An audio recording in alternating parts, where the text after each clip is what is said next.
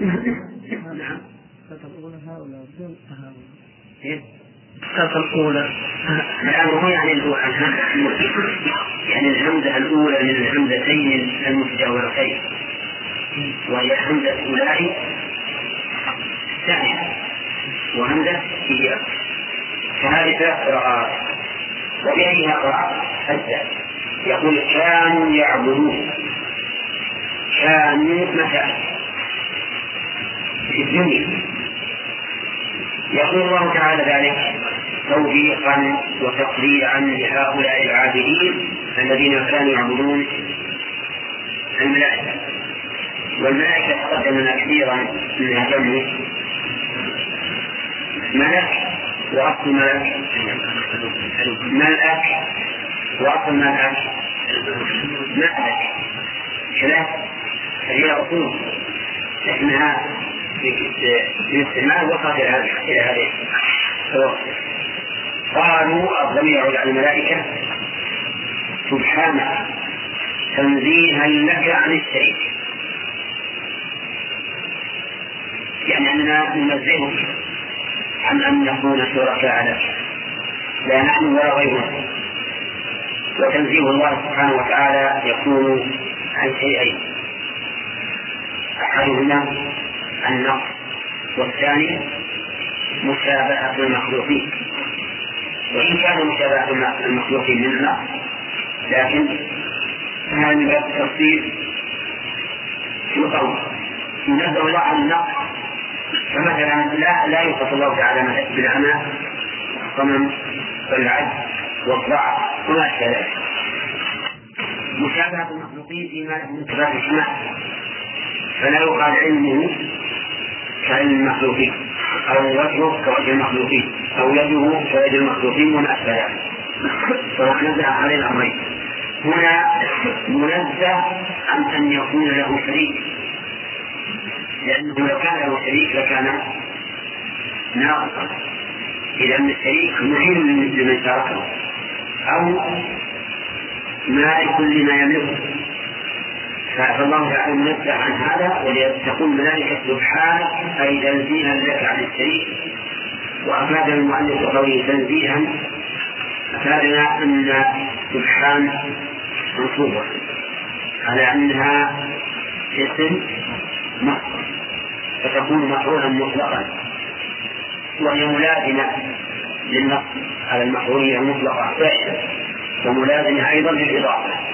فلا تقع إلا مرافعة وإلا منصوبة على المفعولية المطلقة سبحانك أنت ولينا من دونهم.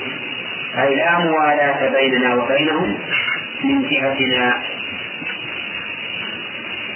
يعني أن هذه الجملة خبرية ثبوتية أنت ولينا من دونهم.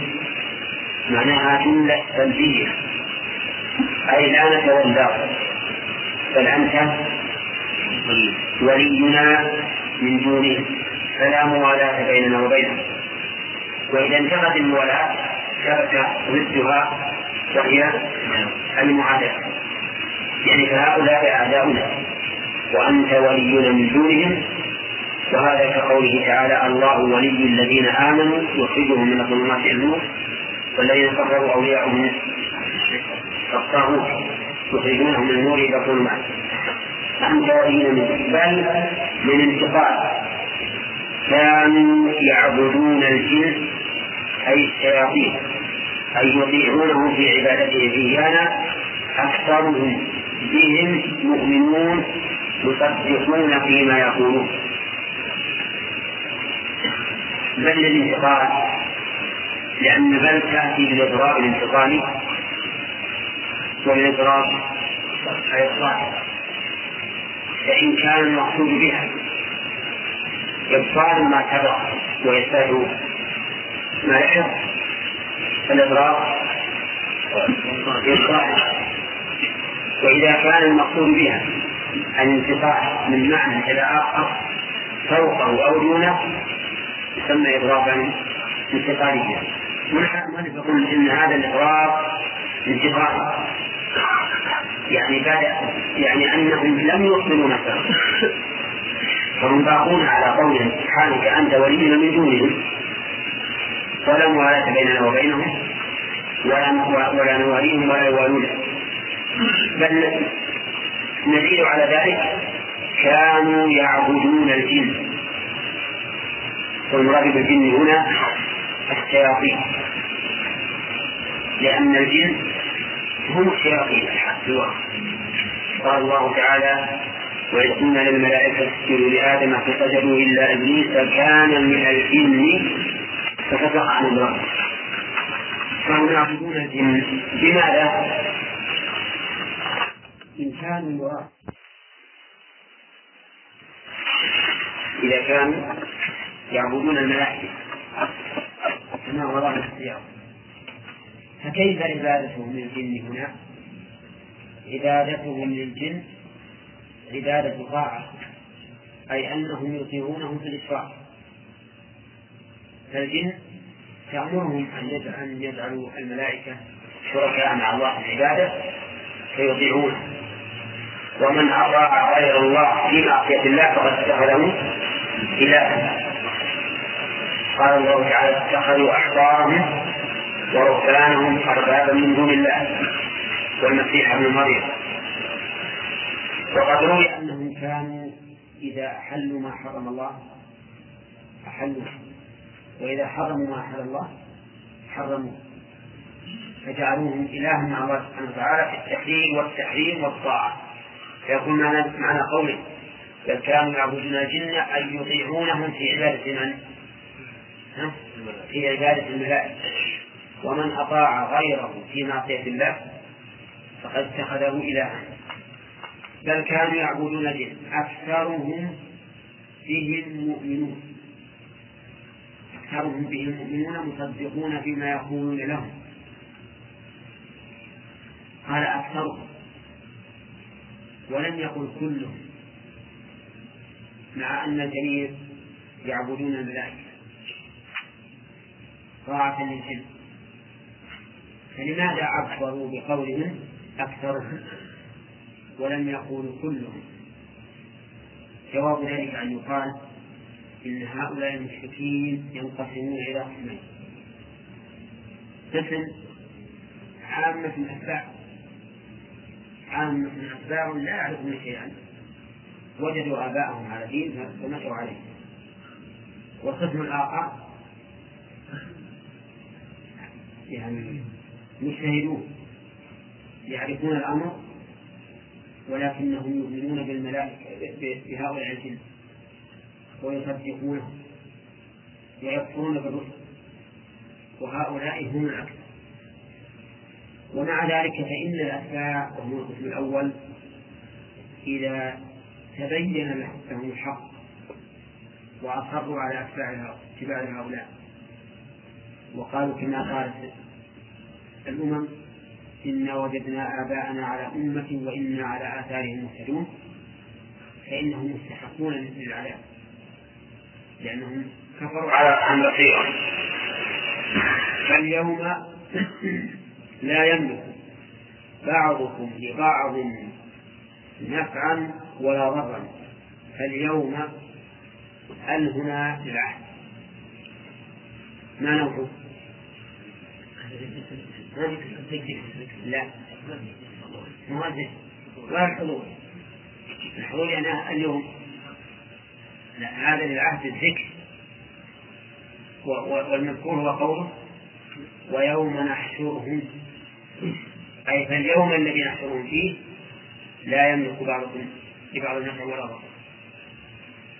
وقولها اليوم لماذا نحدث أو بماذا نحدث لا. لا. لا. على ظرفية على ظرفية والعامل فيها قوله لا يملك. يعني فلا يملك اليوم بعضكم لبعض.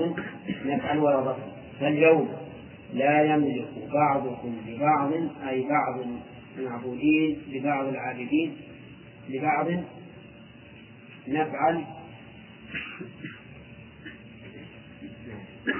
نفعا شفاعة ولا ضرا تعذيبا طيب لا يملك بعضكم لبعض. من ال- الذي انتفى منه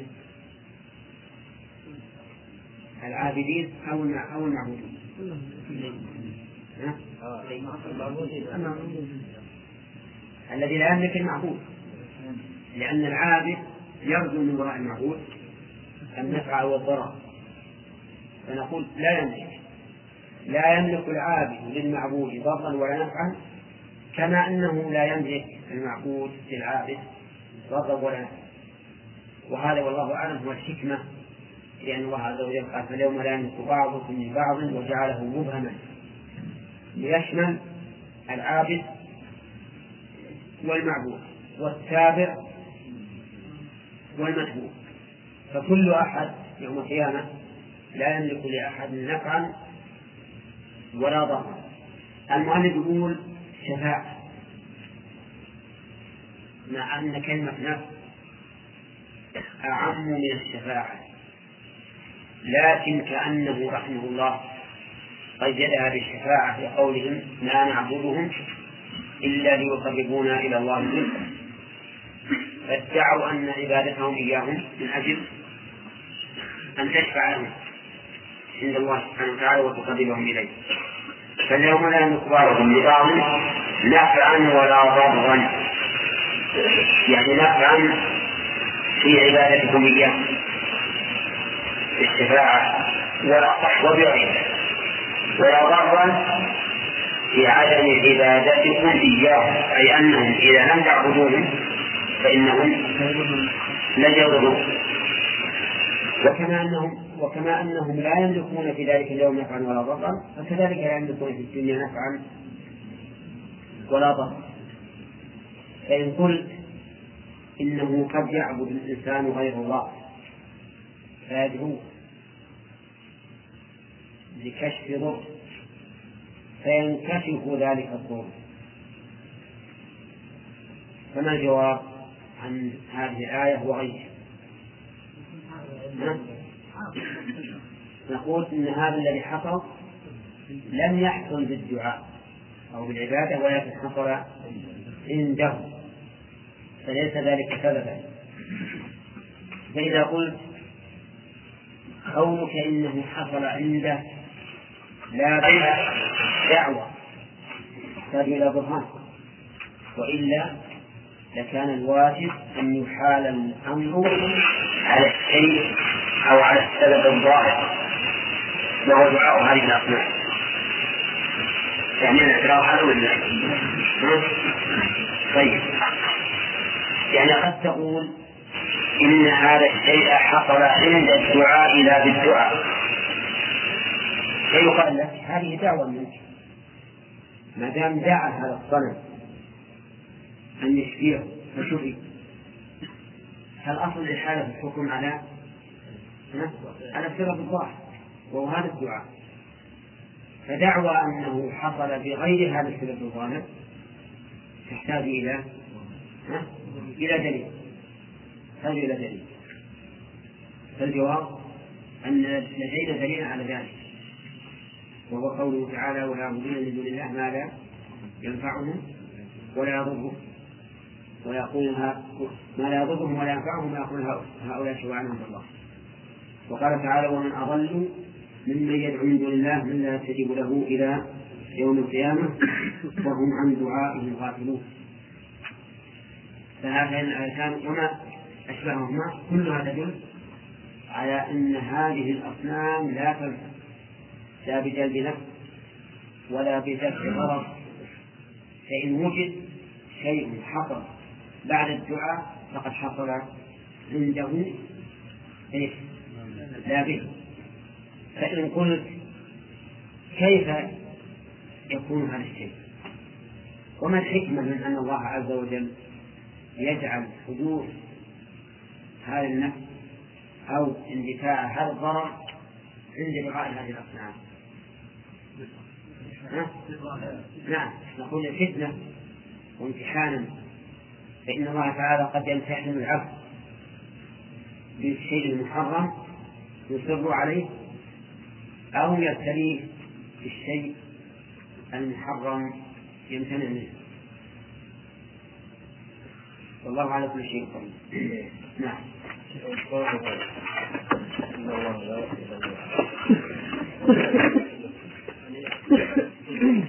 كيف؟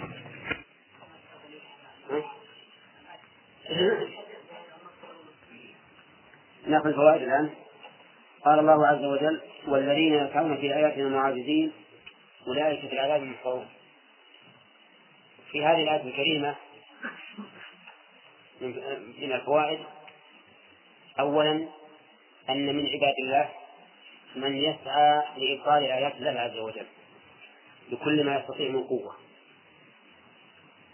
دليل ذلك أن أو وجه ذلك أن الله أثبته وأثبت عذابه.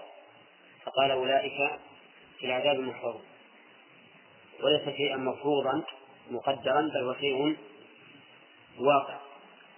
ومن فوائد الآية الكريمة بيان ما يصل إليه عتو الإنسان وطغيانه حيث يسعى في آيات الله معاجزا لله عز وجل.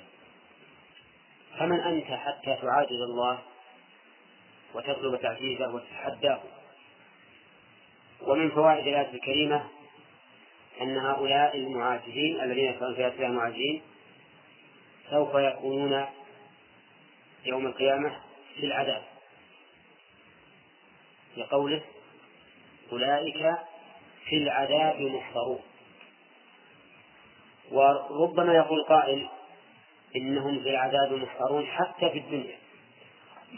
ويكون المراد بالعذاب هنا العذاب العذاب القلبي لأن الكافر مهما نعم في الدنيا فإنه في ألم وعذاب في قلبه. لأن الكافر لا يشبع من الدنيا فهو في حزن خوفا من ذهاب الموجود وفي هم طلبا لوجود المفقود. لأنه يريد أن يريد أن تنمو له تنمو له الدنيا وتزدهر ويخشى أيضا من من أن تفوت بخلاف المؤمن. ومن فوائد الآية الكريمة إثبات الجزاء والعقوبة بقوله أولئك في العذاب محضرون. ثم قال الله سبحانه وتعالى قل إن ربي يبسط الرزق لمن يشاء ويقدر له. هذا في هذه الآية من الفوائد طلب الإعلام بأن الأمور كلها بيد الله من بسط وتضييق. لقوله قل إذ أنه ليس المراد أن تقولها في نفسك بل تقولها في نفسك ولغيرك أيضا.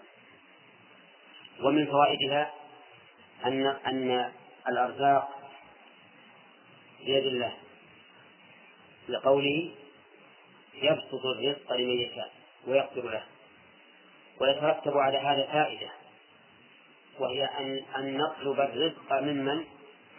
من الله لأنه هو الذي يبسط الرزق ويقدر. ويتفرع عليه فائدة أخرى وهي أن لا نطلب رزق الله بمعاصيه. لأن طلب رزق الله بمعاصيه منافي للأدب.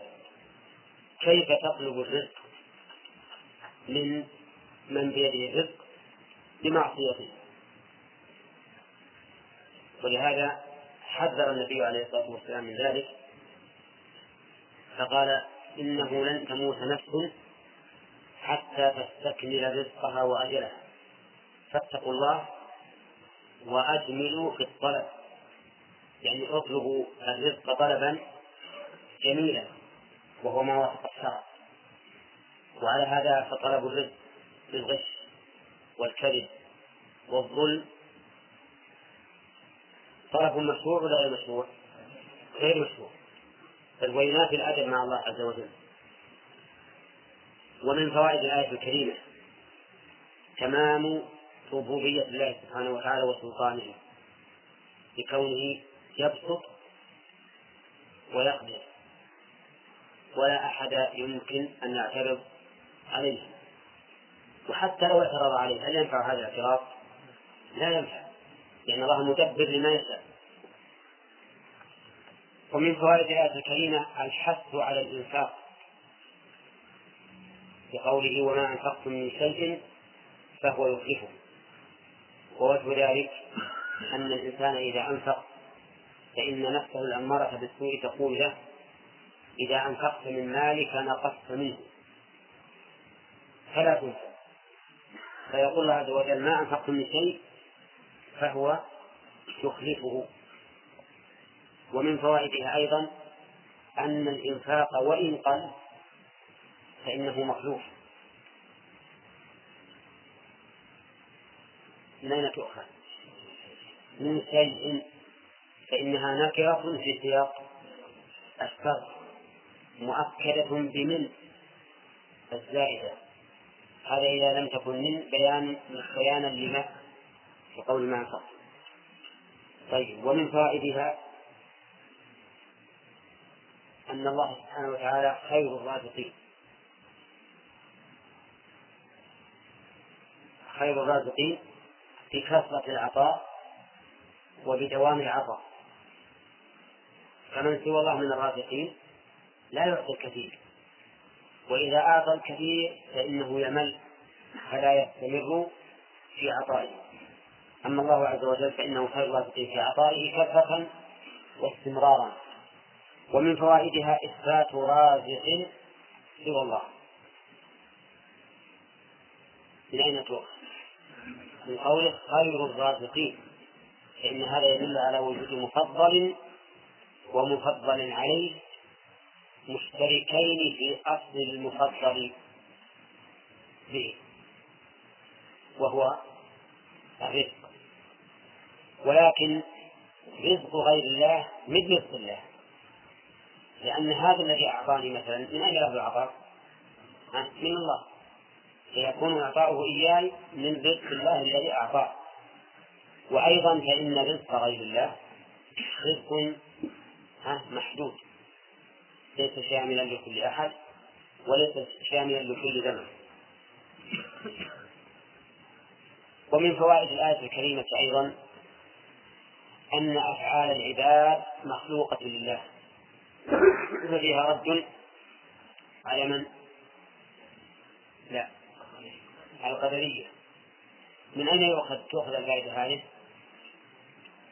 لقوله ما أنفقتم من شيء فهو يخلفه. ونحن نعلم أن الرزق الذي يأتينا يكون كثيرا من من كسبنا. نتجر ونحرز ونعمل ونحصل على الرزق. فيكون في هذا دليل على أن فعل العبد مخلوق لله سبحانه وتعالى. وفيها أيضا رد على الجهمية على الجبرية قصد وهم الجهمية أيضا. بقوله وما أنفقتم. حيث أضاف الفعل إلى العبد. والجبرية يقولون إن الإنسان مسلوب القدرة والاختيار وفعله لا ينسب إليه إلا على سبيل المجاز. وإلا فإن فإنه لا اختيار له في فعله ثم قال عز وجل ويوم يحشرهم جميعا. ثم يقول للملائكة أهؤلاء إياكم كانوا يعبدون. يستفاد من الآية الكريمة أنه ينبغي تذكير الناس بيوم المعاد وجه الدلالة أن يوم يحشرهم متعلق بمحذوف تقديره اذكر اذكر يوم يحشرهم وهل هذا يشمل تذكير النفس؟ يعني بمعنى أن نفسك إذا غفلت ينبغي أن تذكرها يوم الحشر ويوم الموت أو لا؟ نعم يشمل لأن قوله اذكر المقدر يحتمل أن المعنى اذكر في نفسك هذا اليوم أو اذكر لغيرك هذا اليوم وكلاهما حق. فينبغي للإنسان أن يذكر نفسه معايا. كلما ركنت إلى الدنيا وأرادت أن ينغمس فيها فليذكرها. ليذكرها يوم النقلة من هذه الدنيا. ويذكرها قوما انتقلوا عن هذه الدنيا وكانوا أكثر منه قوة أشد منه قوة وأكثر أموالا وأولادا. ثم يذكرها ما وراء ذلك من الحساب والعقاب وهو اليوم المشهود الذي يجمع له الناس. ومن فوائد الآية الكريمة إثبات البعث. في قوله ويوم يحشرهم جميعا. ومن فوائدها أيضا أن الحث عام لكل أحد حتى من أكلته السباع وأحرقته النيران. من أين يؤخذ؟ من قوله جميعا وهو كذلك.